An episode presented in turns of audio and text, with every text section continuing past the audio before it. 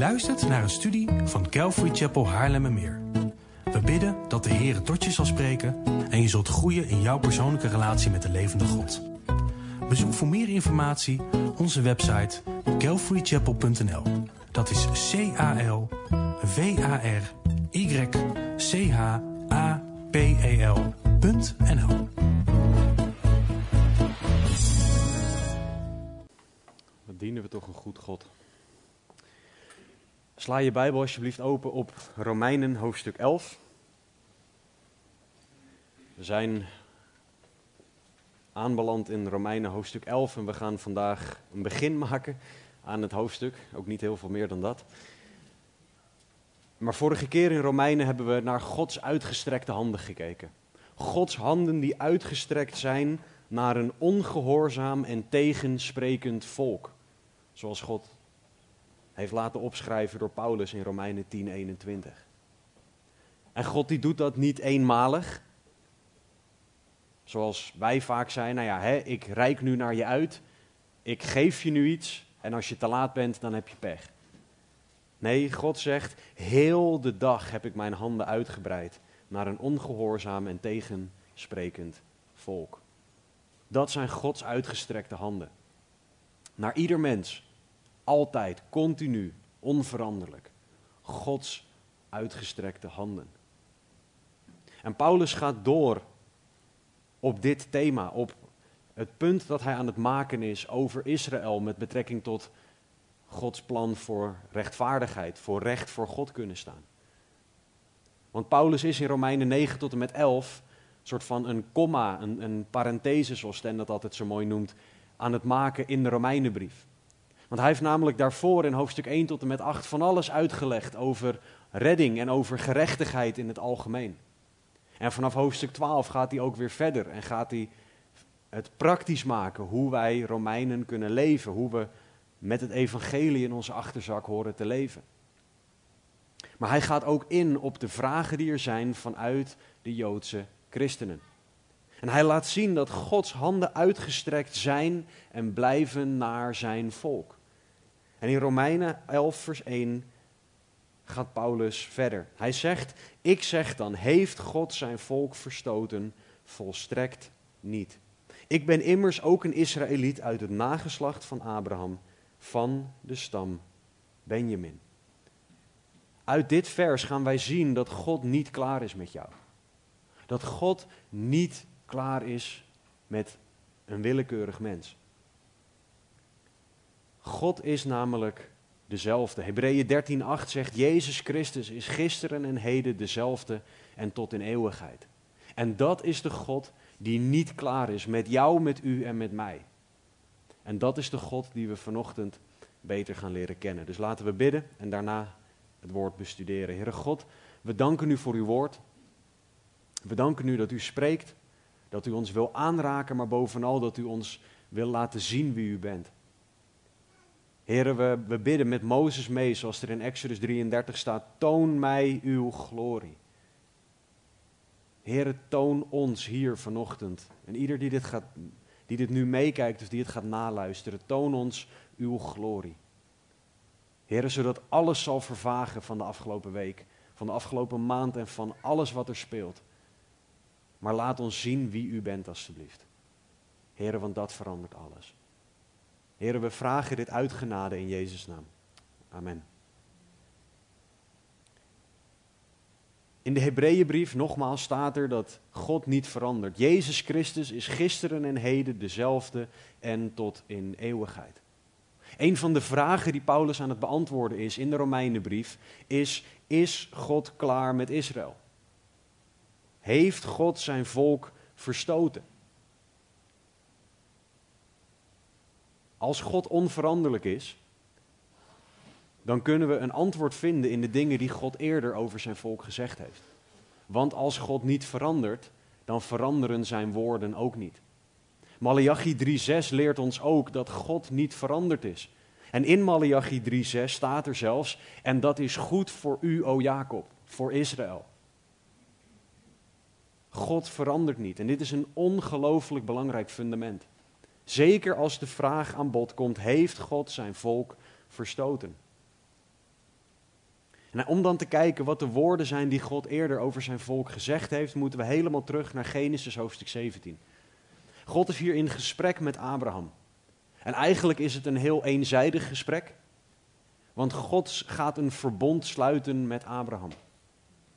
En in Genesis 17, vers 7 staat het volgende: Ik zal mijn verbond maken tussen mij, zegt God, u en uw nageslacht na u, al hun generaties door, tot een eeuwig verbond, om voor u tot een God te zijn en voor uw nageslacht na u.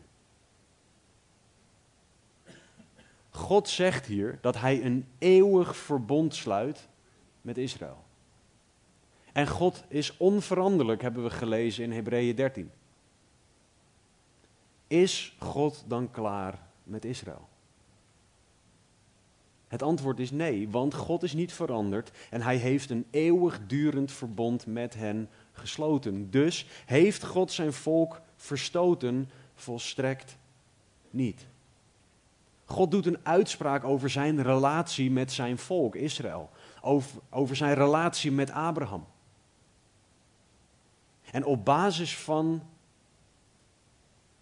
deze uitspraak van God kunnen wij de conclusie trekken dat God niet veranderd is, dat Hij een eeuwig verbond heeft en daarmee dat God zijn volk niet verstoten heeft. Maar wat we tot nu toe gezien hebben in Romeinen 9 en 10, met ons menselijk denken, heeft God alle reden om klaar te zijn met Israël. Want ze hebben hem deels afgewezen en ze hebben zichzelf verhard, hebben we in hoofdstuk 9 gezien. Niet allen die Israël zijn, zijn echt Israël, hebben we daar gelezen.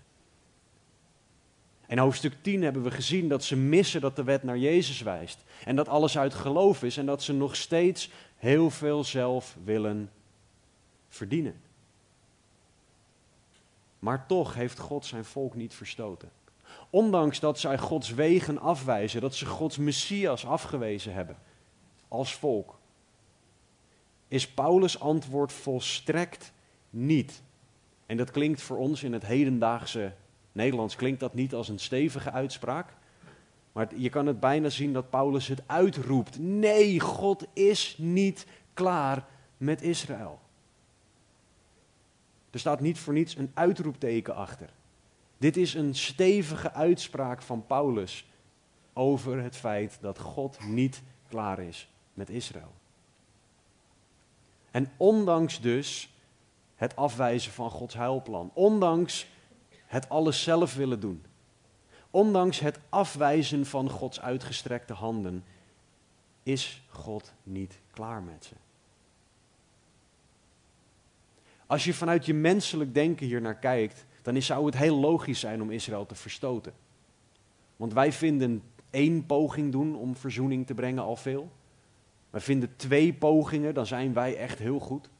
En met drie, nou ja, dan verdienen we echt gewoon een speldje van de koning. Want kijk eens hoe vaak wij ons best gedaan hebben om verzoening te brengen. Maar God, die continu al duizenden jaren afgewezen wordt, blijft doorgaan.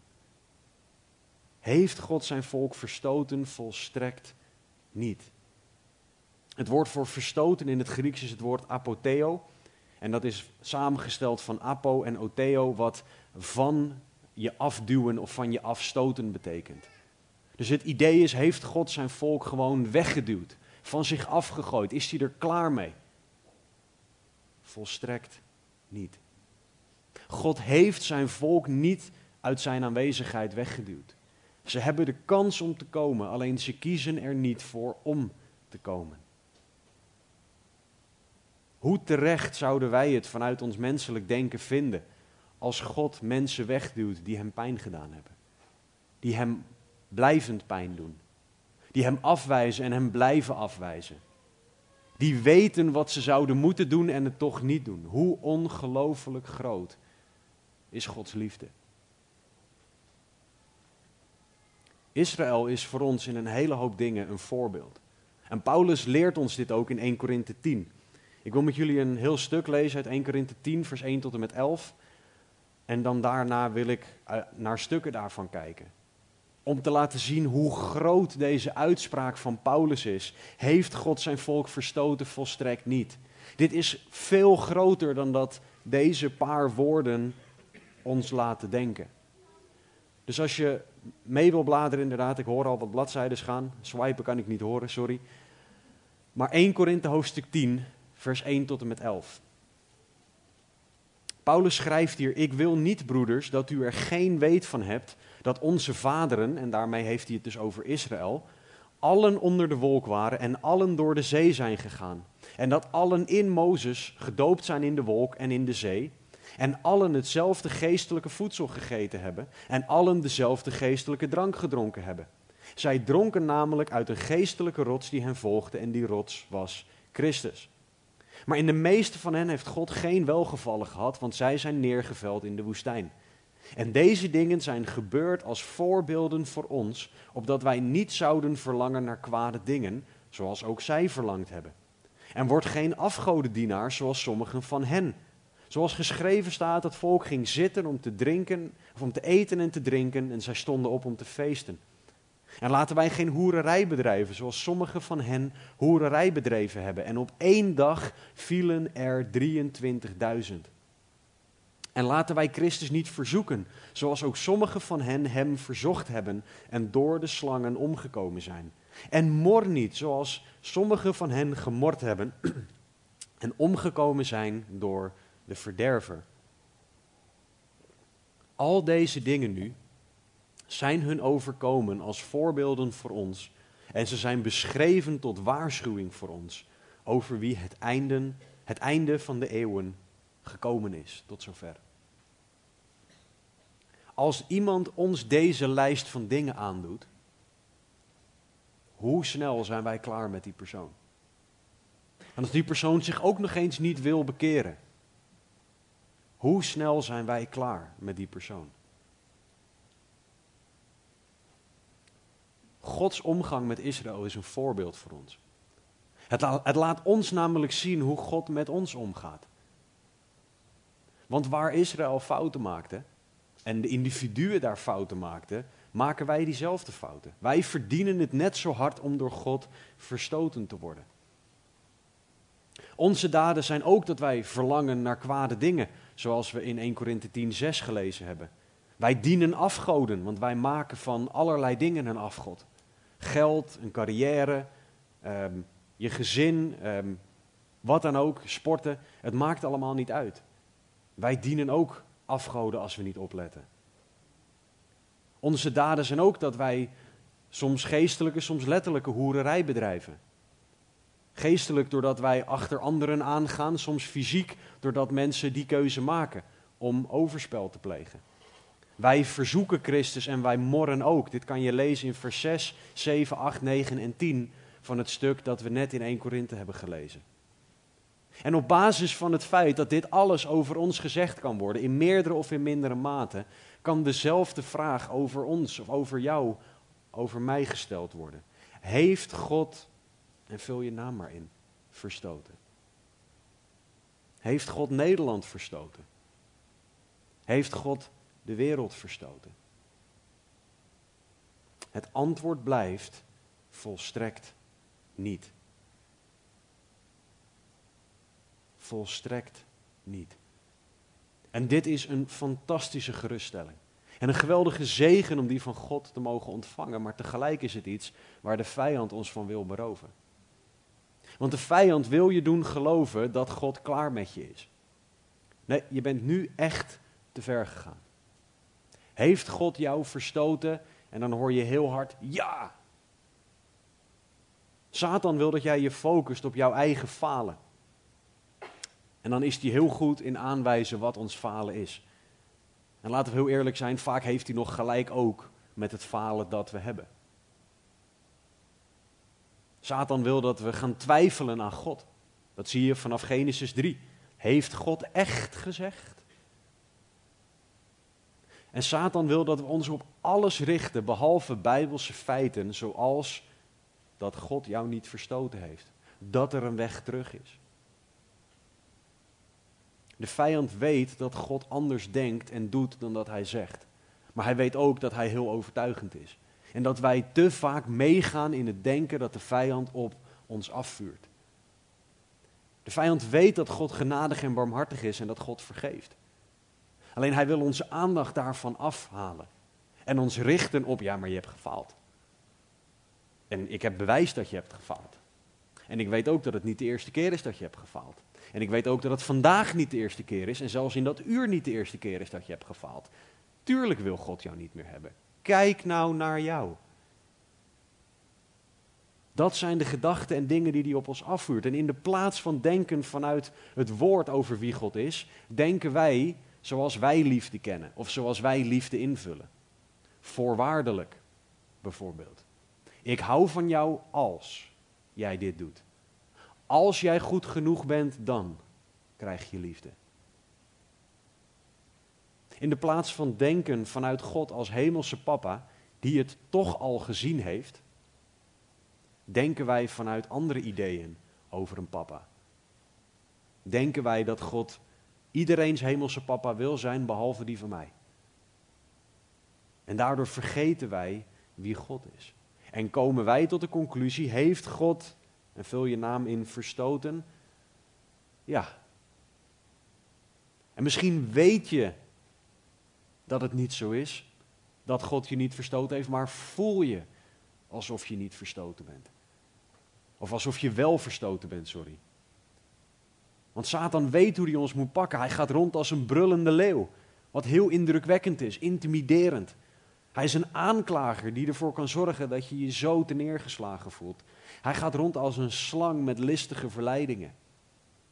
En hij kan je zo laten twijfelen naar Gods karakter en inspelen op je gevoel. Maar we mogen dan leren van de voorbeelden die het woord geeft.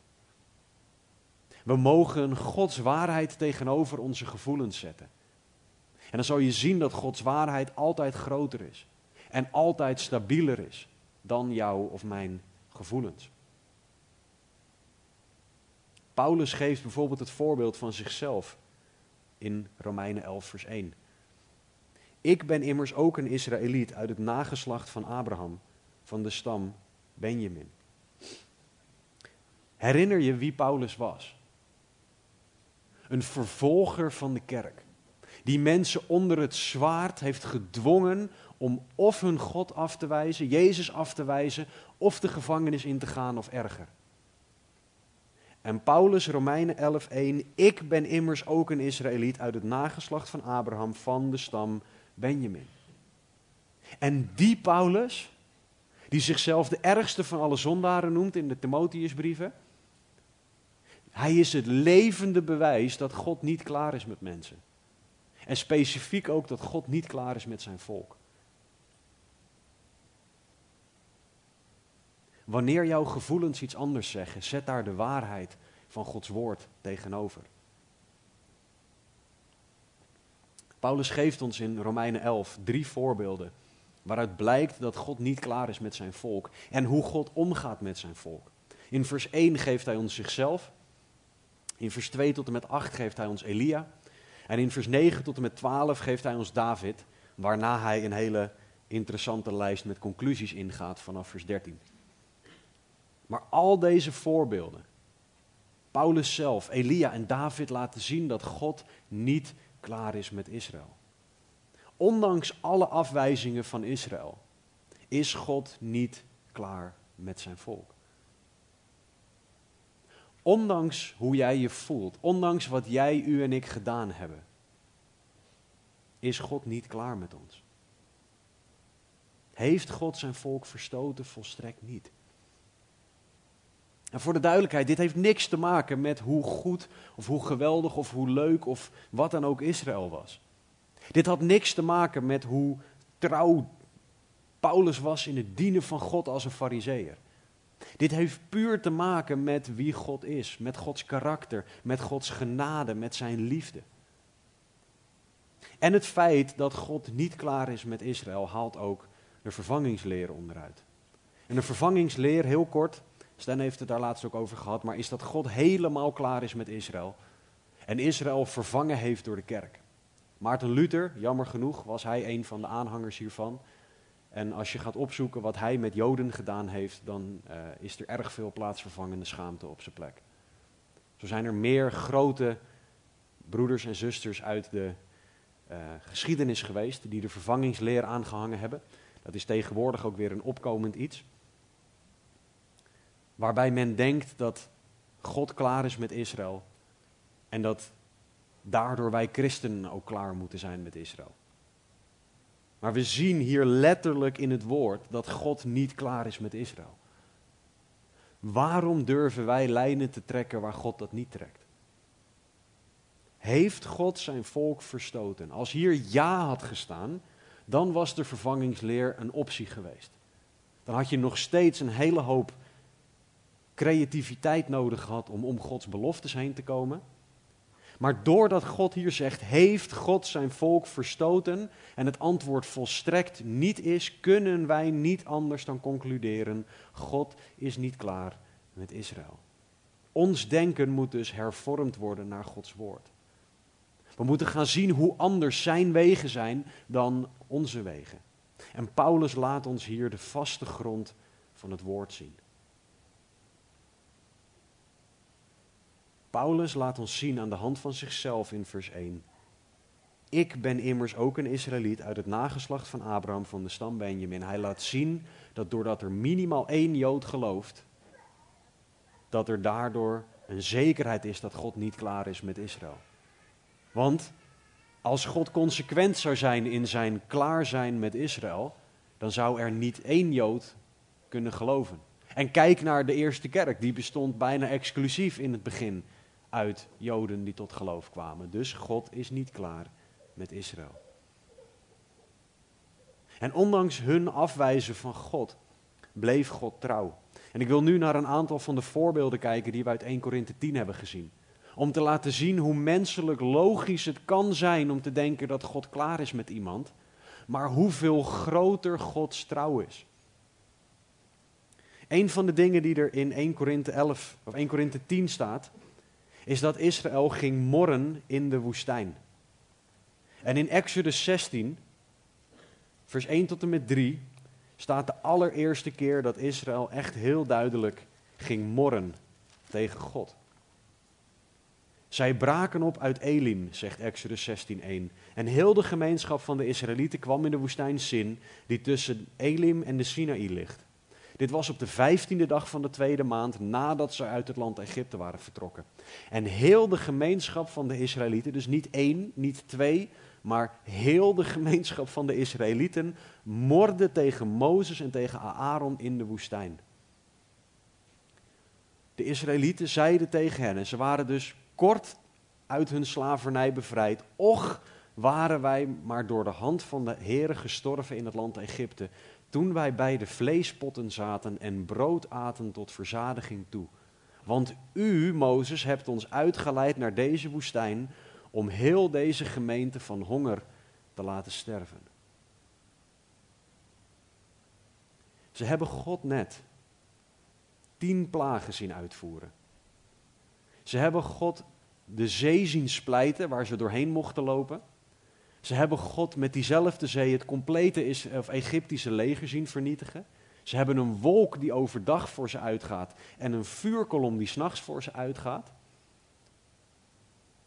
En nu hebben ze een klein beetje tegenspoed. En laten we niet onderschatten dat dit vervelend is. Maar hun perspectief op God is direct: het is klaar. God heeft ons verstoten. Heer, waarom hebt u ons niet laten sterven daar? Toen was alles beter. Vroeger was alles beter. Alles was beter in, in Egypte. Want daar hadden we vleespotten, we hadden brood. Dat ze toevallig ook een zweep over hun rug hadden, keihard moesten werken, geen kinderen mochten krijgen. Dat vergaten ze allemaal even. Hoe makkelijk vergeten wij? Wanneer er een klein beetje tegenspoed komt, wanneer er heel veel tegenspoed komt, wanneer we door de bomen het bos niet meer zien, hoe makkelijk vergeten wij dan wie God is? En wat God al gedaan heeft. En waardoor we dus op God kunnen vertrouwen. Als God Israël belooft dat hij ze naar een beloofd land zal brengen, en hij heeft net al deze wonderen gedaan, kan God dan niet ook voorzien in eten en drinken midden in de woestijn? Hoe die het doet, dat is aan God. Want dat hoeven wij gelukkig niet te bepalen voor hem. Maar Israël vertrouwde er op dit moment niet op dat God het überhaupt kon. Ze gingen morren. En ze gingen klagen.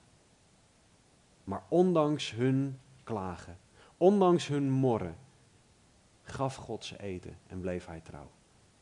Ondanks hun morren had God zijn volk niet verstoten. Een tweede moment waarop Israël ging morren, of waarin Israël eigenlijk tegen God inging, staat in Exodus 32. Toen zij het gouden kalf maakten. En als je de details hiervan gaat bestuderen, dan zie je hoe bizar dit eigenlijk is en hoe ver dit gaat. Dit is 1 Korinthe 10, vers 7 trouwens, waar er staat dat ze afgodendienaars werden. En als we Exodus 32, vers 1 tot en met 6 lezen, dan staat er: Toen het volk zag dat het lang duurde voor Mozes van de berg afdaalde, kwam het volk bijeen bij Aaron. En zij zeiden, en lang is hier ongeveer 40 dagen, trouwens.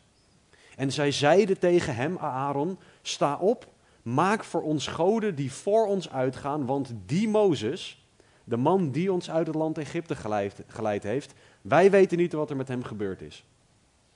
En Aaron zei tegen hen, ruk de gouden ringen die uw vrouwen, uw zonen en uw dochters in hun oren hebben af en breng ze bij mij. Toen rukte heel het volk de gouden ringen die ze in hun oren hadden af en ze brachten ze bij Aaron. Hij nam ze van hen aan, bewerkte ze met een graveerstift en maakte er een gegoten kalf van. Toen zeiden zij, dit zijn uw goden Israël, die u uit het land Egypte geleid hebben. Toen Aaron dat zag, bouwde hij er een altaar voor en Aaron kondigde aan, morgen is er een feest voor de Heer. En Heer staat hier met hoofdletters. In het Oude Testament is dat Griekse IHVH, de tetramenogram, oftewel Yahweh. Gods persoonlijke naam. Aaron nogmaals kondigde aan voor een gouden kalf, morgen is er een feest voor de Heer. Zij stonden de volgende dag vroeg op, en dit wordt geciteerd in 1 Korinthe, brachten brandoffers, brachten dankoffers. Het volk ging daarna zitten om te eten en te drinken. Vervolgens stonden zij op om uitbundig feest te vieren. Nou, een uitbundig feest hier. Er zitten, geen kleine kind, oh, er zitten een aantal kleine kinderen, dan moet ik op mijn woorden letten. Laten we erop houden dat dit gedrag tussen mensen teweegbracht dat niet hoorde. Dit was een ongelooflijk seksueel ranzig feest wat dit geworden was. Dat is wat er hier gebeurde. En daarbovenop heb je de toekomstige hoge priester die een gouden kalf maakt, daarna nog tegen zijn broer zegt, ja, ik gooide dat goud in dat, in dat vuur. En er kwam een kalf uit. Geen idee hoe dat kwam. Maar Gods toekomstige hoge priester bewerkte het goud met een graveerstift, maakte er een kalf van, bouwde een altaar, kondigde een feest aan en God had ze niet verstoten. Het is zo bizar. Gods naam wordt hier zo misbruikt. Gods naam wordt hier zo verkeerd ingezet. Want morgen is er een feest voor de Heer, waarmee er gezegd wordt: dan gaan we feest vieren met dit kalf. God strafte zijn volk hiervoor, maar was niet klaar met ze. Dit was zondige aanbidding van een afgod. Maar het was niet genoeg voor God om klaar te zijn met zijn volk. Hij strafte ze, maar ze konden zich opnieuw toewijden aan hem. En dit is ook, voor degenen van jullie die dit interessant vinden, waar de stam Levi naar voren stapte en waardoor de stam Levi uiteindelijk ook door hun keuze om zich toe te wijden de Levitische taken op zich kreeg. Maar dat is een compleet andere studie. God was niet klaar met Israël, ondanks dat zij dit deden. In numeri 25 ging Israël hoererij bedrijven. En hoererij is alle vormen van seks buiten het huwelijk. Laten we daar gewoon heel duidelijk over zijn. Je kan proberen om er een weg in te vinden dat het iets anders betekent, maar in de grondtekst betekent het simpelweg alle vormen van seksuele handelingen buiten het huwelijk om. In nummer 25, vers 1 en 2 staat het volgende. Israël verbleef in Sittim en het volk begon hoererij te bedrijven met de dochters van Moab. Die nodigden het volk uit bij de offers van, aan hun goden en het volk at en boog zich voor hun goden neer. Ze liepen achter hun vleeselijke verlangens aan, naar iemand die er misschien mooier of leuker uitzag dan wat ze zelf hadden in het volk. Ze begonnen hoererij te bedrijven, allerlei dingen die dus niet mochten. En dan ook nog eens met de dochters van Moab, wat een ontzettend goddeloos volk was. En wat was het resultaat? Dat ze achter andere goden aangingen. En God oordeelde ze, en zoals we uit 1 Korinthe weten, op één dag vielen er 23.000 mensen. Als straf, als oordeel over deze daden. En dit is dus zowel fysiek als geestelijk overspel. De fysieke daad door met de dochters van Moab deze daden te doen, maar ook geestelijk door zich neer te buigen voor andere goden. En dit was niet naar Gods wil, dit was een gruwel in Gods ogen. Dit was verschrikkelijk in Gods ogen en dit, dit zou zoveel reden voor ons zijn om te zeggen, en nou is het klaar. Maar toch was God niet klaar met Israël, ze konden terug. In numeri 21:5 verzoeken ze God en krijgen ze slangen als straf. Dat is ook het stuk dat Jezus gebruikt in Johannes 3 om met Nicodemus te praten. De slang die verhoogd werd, die op een paal gezet werd, waar je naar moest kijken. In numeri 11:4 zondigde het volk door op een zondige manier te verlangen naar eten. Dat manna komt onze neus uit, waarop God zegt: Oké, dan zal letterlijk het vlees je neus uitkomen. En waarom haal ik dit allemaal aan? Omdat Israël zoveel gedaan heeft dat menselijk gezien je zegt: Ik ben er klaar mee. Zoek het maar uit. Jullie hebben niet één, niet twee, niet drie, niet vier dingen gedaan, maar veel meer en dat continu. Ze hebben God afgewezen, ze hebben God weggeduwd, ze hebben overspel gepleegd, zowel fysiek als geestelijk. Als God jou of mijn geduld had, hoe snel zou God dan klaar geweest zijn met Israël? En denk dan aan je beste dag, niet aan je minste dag. Geduld op je beste dag. Hoe snel zouden wij dat eeuwige verbond verbroken hebben en denken: ja, laat maar zitten. Als jullie zo doen, dikke doei, dan ga, ga ik me niet aan mijn kant van het verbond houden. Maar dat is dus niet onze God. Want onze God verandert niet, Hebreeën 13:8. Jezus Christus is gisteren en heden dezelfde. Hij kan niet veranderen. Dat is voor hem onmogelijk, zoals het voor ons onmogelijk is om zelf te vliegen. God heeft zijn volk niet verstoten en daar mogen wij in rusten. Het voorbeeld van Israël uit 1 Korinthe 10, wat Paulus ook citeert in Romeinen 11, laat ons zien dat God niet klaar is met ons. God had Israël niet verstoten, God heeft ons niet verstoten. Gods vergeving voor onze zonde is er. Gods liefde, ondanks onze zonde, is er. Gods genade is er. Gods heiligheid en rechtvaardigheid. Die moeten buiten kijf staan, want God wil nog steeds dat er iets met ons zondeprobleem gebeurt. Het is niet zo dat God dan zegt, nou ja, voor this time will see through the vingers. Zo werkt God niet, want hij is heilig. Hij kan zonde niet door de vingers zien. Maar daarom heeft hij ons Jezus gegeven en is Jezus de weg. En daar staat niet de weg voor een aantal. We hebben in Romeinen 10 niet voor niets gezien. Ieder die de naam van de Heer zal aanroepen, zal zalig worden. In vers 13. Ieder. Hij is rijk voor allen die hem aanroepen, hebben we in vers 12 gezien. We mogen dus weten dat God niet verandert en dat Hij niet klaar met ons is.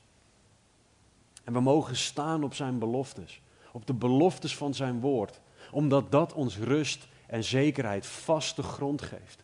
Ook wanneer alles om ons heen iets anders zegt, wanneer onze gevoelens iets anders lijken te zeggen, hebben we vaste grond in Zijn woord.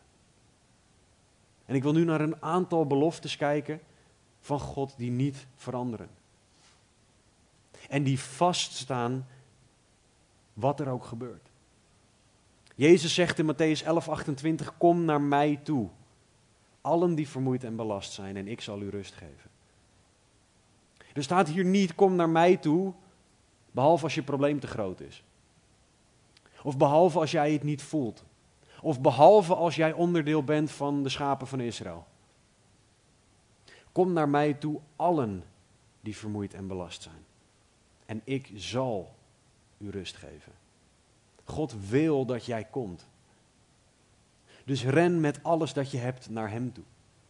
Zo vaak gaan wij onze dingen waar wij mee zitten, hoe, en die zijn heel echt, laat dat duidelijk zijn. Die gevoelens en die situaties, dat is allemaal echt. Die kan je niet zomaar aan de kant schuiven en dat moet je ook niet doen. Maar te vaak rennen we ermee naar de verkeerde plek. Te vaak geven we bijvoorbeeld de kerk de schuld van als we ons eenzaam voelen.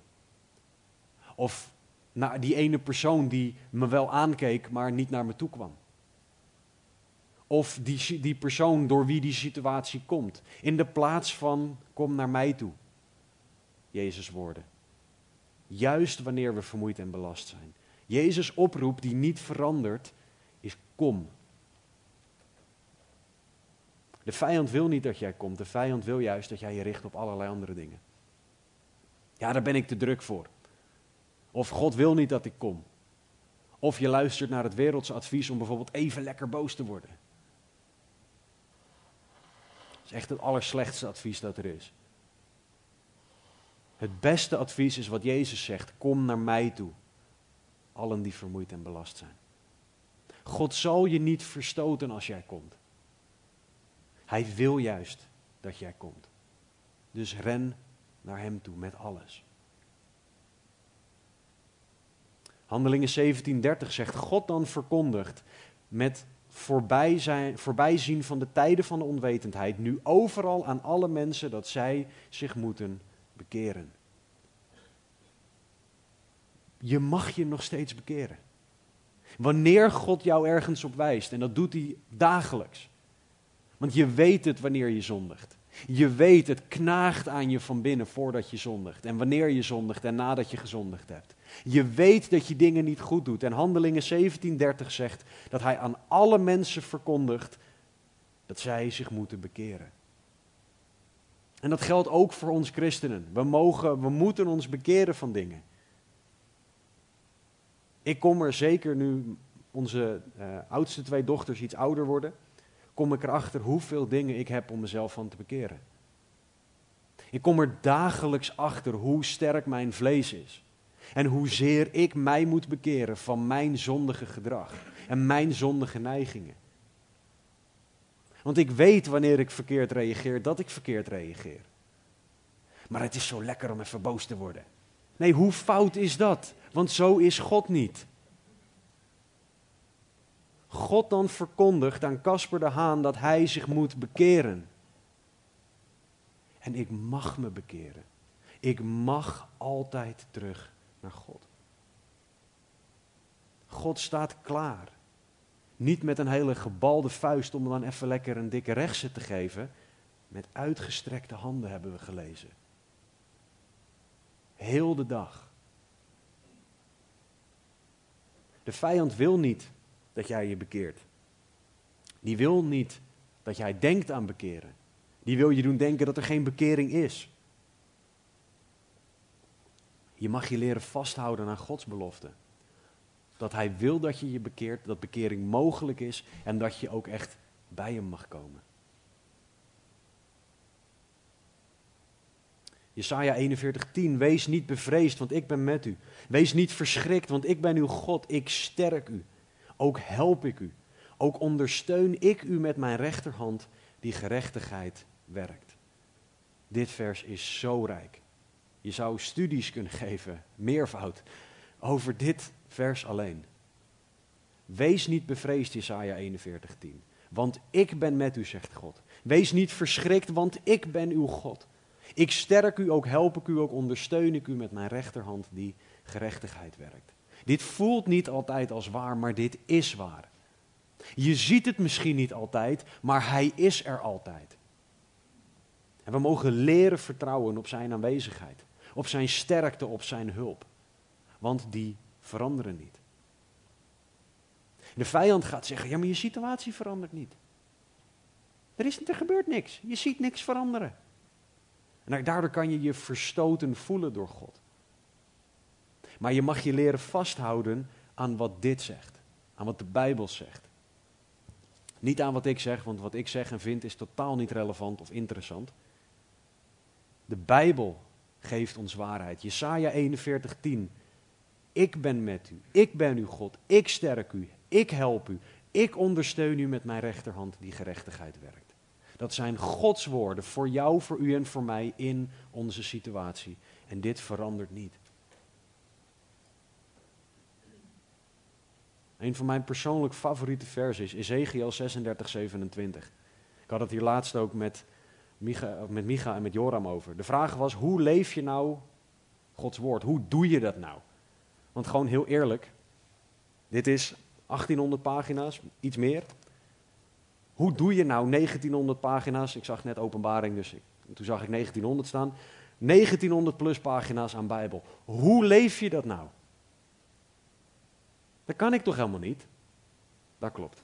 Ezekiel 36, 27. God belooft hier, ik zal mijn geest in uw binnenste geven.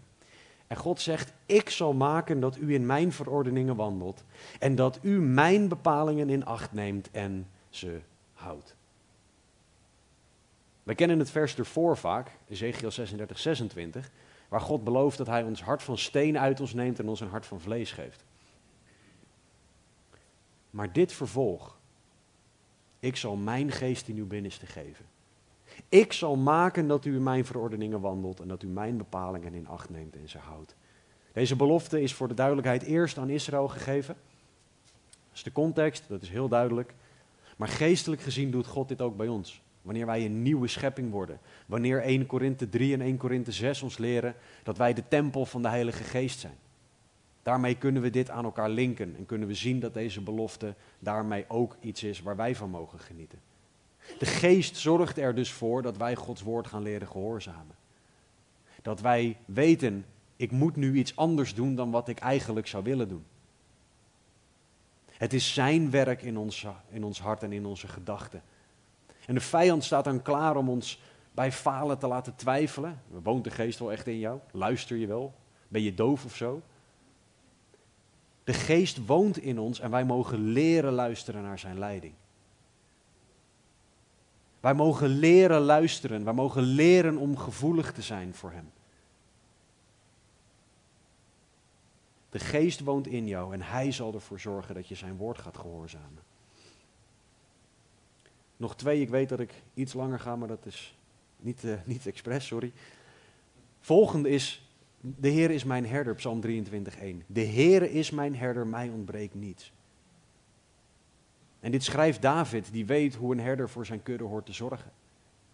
En hij legt daarna uit hoe een herder voor zijn schapen zorgt. De herder, in dit geval God, geeft de schapen alles dat ze nodig hebben. Bijbelcommentator Trapp heeft gezegd: God kijkt er niet op neer om zijn kudde te voeden te leiden, te sturen, te verdedigen, te verzorgen en te genezen. Kortom, om voor ze te zorgen. Einde citaat. God houdt ervan om deze dingen voor ons te doen. En Hij is onze herder. En we mogen hier dus naar leren luisteren. Als jij voelt dat je tekort komt, of dat je niet geliefd bent, of dat je niet verzorgd, geleid of verdedigd voelt, dan mag je weten dat de Heer jouw herder is. En dat jou niets ontbreekt omdat de Bijbel het leert, alleen je mag leren kennen hoe jouw verlangens dan misschien niet overeenkomen met wat God je geeft. We mogen leren leven naar wie onze herder is, niet naar wie wij als schapen zijn. De laatste is Romeinen 8:16. Je bent Gods kind. De geest zelf getuigt met onze geest dat wij kinderen van God zijn. Dit is het resultaat van Jezus' werk aan het kruis. En dit is zekerheid. Er zal nooit een moment komen dat jij te ver gaat en dat God je soort van over de rand laat kukelen en dat het nou maar klaar is. We mogen onze hemelse papa leren kennen want wij zijn zijn kinderen. Jij bent niet verstoten. ondanks jouw daden, ondanks jouw gevoel, ondanks alles wat er op je afkomt. God heeft jou niet verstoten, volstrekt niet. Paulus heeft Israël als voorbeeld gebruikt om te laten zien wie God is. En hij gebruikt in Romeinen 11:1 zichzelf ook als voorbeeld. En hij laat zien dat God niet veranderd is en dat God niet klaar is met Israël. Net zoals dat God niet klaar is met jou, met u en met mij. Hij is en blijft diezelfde trouwe God op wie je terug mag vallen. En je mag hem dus leren kennen voor wie hij is. Satan wil je beroven van, van deze kennis. Hij wil je laten twijfelen aan wie God is. Maar je mag met al je gedachten, met al je gevoelens, je vragen, je pijn, je twijfels, je verdriet, ook je vreugde, je mag met alles naar God toe gaan. En het bij Hem neerleggen en bij Hem laten. Je mag Hem leren kennen voor wie Hij echt is. Dus als jij nog niet gelooft, dan mag je weten dat God ook niet klaar is met jou. Hij wil ook dat jij komt en dat jij gelooft. Hij wil dat je zijn vergeving aanneemt, dat jij je afkeert van je zonde, dat heet bekering. En dat jij gelooft in Jezus Christus. Dat je zijn offer accepteert voor jouw zonde. En dat je eeuwig leven hebt. Christen, God is niet klaar met jou. Maar besef jij je dat God niet verandert? Leef jij ook naar het feit dat God onveranderlijk is? Of leef jij naar het feit dat God volgens jou veranderlijk is? Wat je ook gedaan hebt, christen, God heeft jou niet verstoten. Wat jou ook aangedaan is, God heeft jou niet verstoten. Ren terug naar God en leer Hem kennen voor wie Hij is. En christen, op basis van het voorbeeld van Israël zien wij dat Gods beloftes eeuwig en waar zijn. Hou je daaraan vast. Laat je niet beroven door de vijand. God is niet klaar met jou. Laten we bidden. Heere God, we danken u dat u zoveel groter bent dan dat wij weten, dan dat wij doorhebben, dan dat wij beseffen. Dank u wel, Heere, dat u, ja, Heere, dat uw eigenschappen en dat uw karakter te veel zijn voor ons om te begrijpen. Heere, maar één ding weten we, ondanks dat we niet snappen hoe het werkt. U bent onveranderlijk. En daardoor mogen we zien, heren, dat u uw volk niet verstoten heeft en daardoor dat wij mogen weten dat u ons niet verstoten hebt. Heer, u weet wat er in onze harten en onze gedachten omgaat. Waar we denken dat u ons wel verstoten hebt. Waar we denken dat u wel klaar met ons bent. Heer, zet die gedachten recht. Heer, corrigeer ons denken alstublieft. Heer, voor degenen die nog niet geloven, laat ze zien wie u bent zodat ook zij die keuze zullen maken om in u te geloven. Heer, en voor degenen die al wel geloven, laat ze zien dat u onveranderlijk bent. Dat uw beloftes waar zijn, dat uw woord waar is en dat uw woord zoveel belangrijker is dan al onze gevoelens. Help ons om met al die gevoelens, die echt en die reëel zijn, om daarmee naar u te rennen. En help ons alstublieft allemaal om te leven op basis van wie u bent. Om te leven op basis van het feit dat u onveranderlijk bent. Heer, en om ons daaraan vast te houden wat de vijand ook op ons afslingert. Heer, doe uw wil alstublieft in ons. Toon ons uzelf. Heer, niet omdat wij dat verdienen, maar uit genade in Jezus' naam. Amen. Er zullen zo nog een aantal liederen gezongen worden. Er zullen ook een aantal mensen aan de randen van de zaal gaan staan. dat zijn geen superheiligen of zo. Dat zijn gewoon broeders en zusters die graag met jullie willen bidden. Je kan ook altijd aan iemand naast je om gebed vragen. Maar als je met iemand anders wil bidden, er zullen ook een aantal mannen en vrouwen aan de rand van de zaal staan die graag met je willen bidden. Aanbid ook echt gewoon, kies er ook voor om je gedachten echt op de Heer te richten, om te vragen waar jij anders over God denkt dan dat Hij is. En gebruik deze tijd ook echt om meer God te zien voor wie Hij is. Paulus schrijft in 1 Korinthe 1, vers 8 en 9: God zal u ook bevestigen tot het einde toe, zodat u onberispelijk zult zijn op de dag van onze Heer Jezus Christus. God is getrouw door wie u geroepen bent tot de gemeenschap van zijn Zoon, Jezus Christus, onze Heer.